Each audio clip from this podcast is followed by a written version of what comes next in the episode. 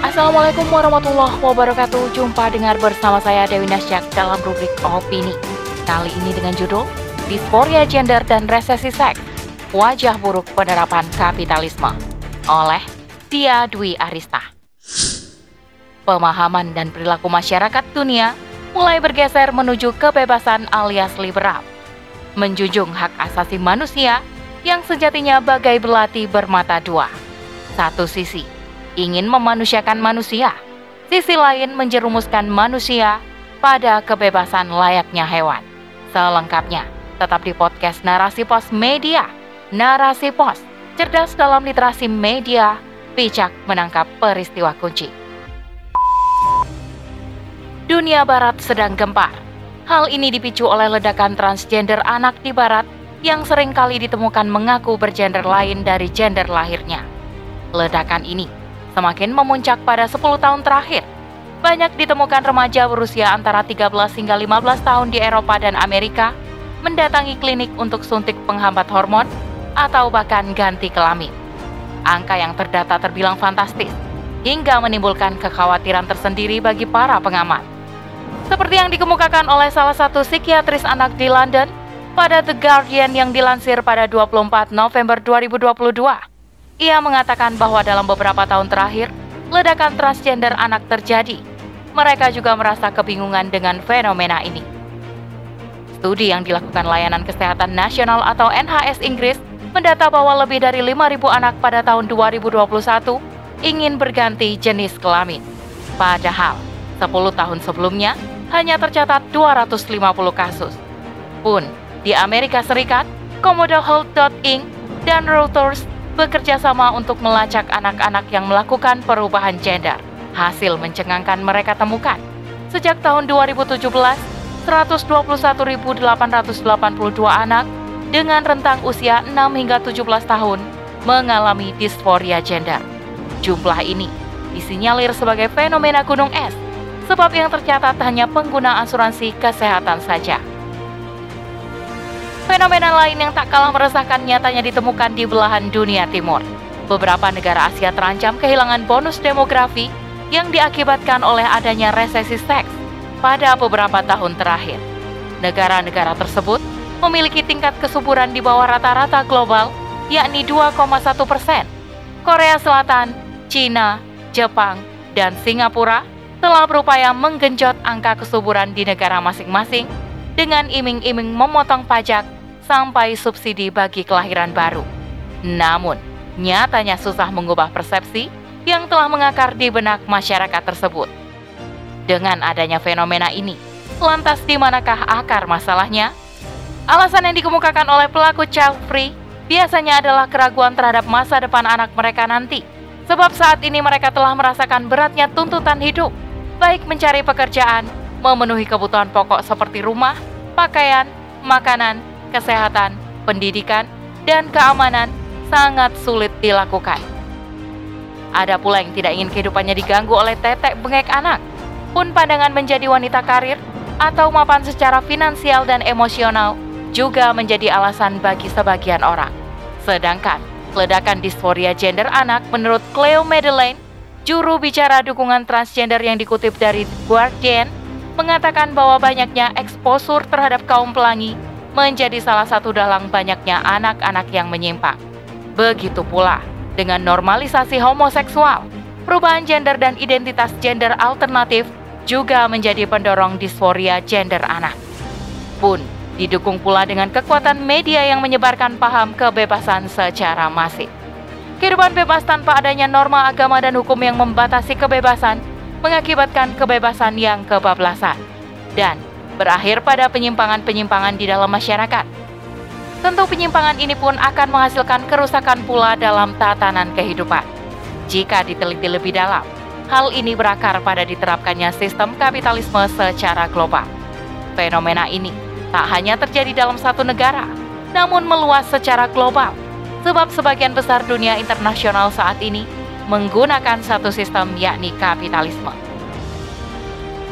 Kapitalisme adalah ideologi yang muncul dari dunia barat dengan pemimpinnya saat ini adalah Amerika Serikat.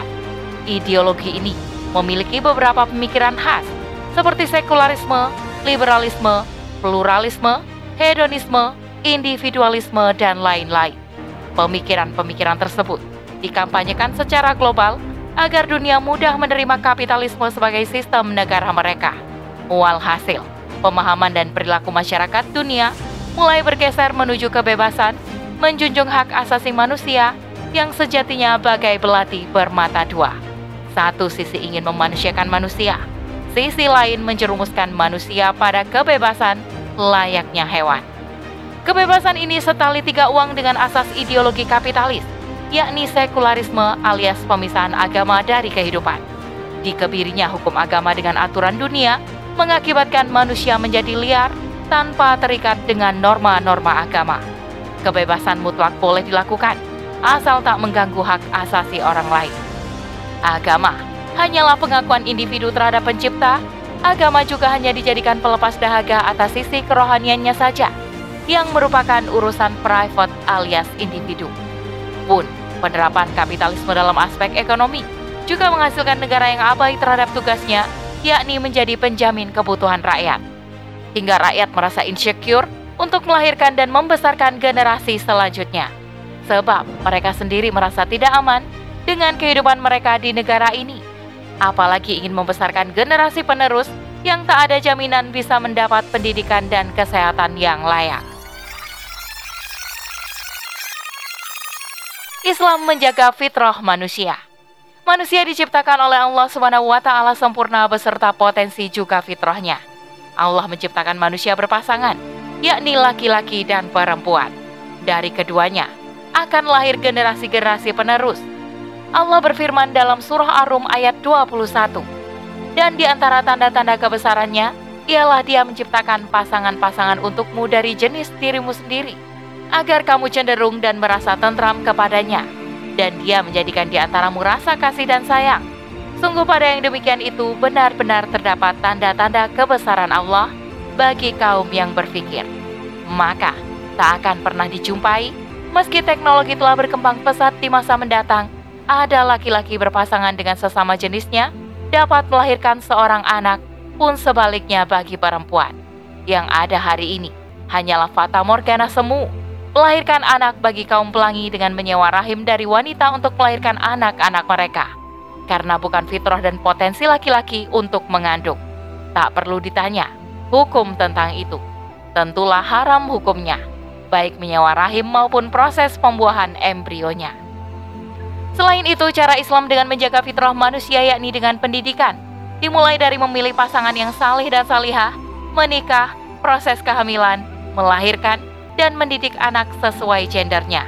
Akidah dan keimanan akan diajarkan sedini mungkin agar mereka menjadi hamba yang taat kepada penciptanya.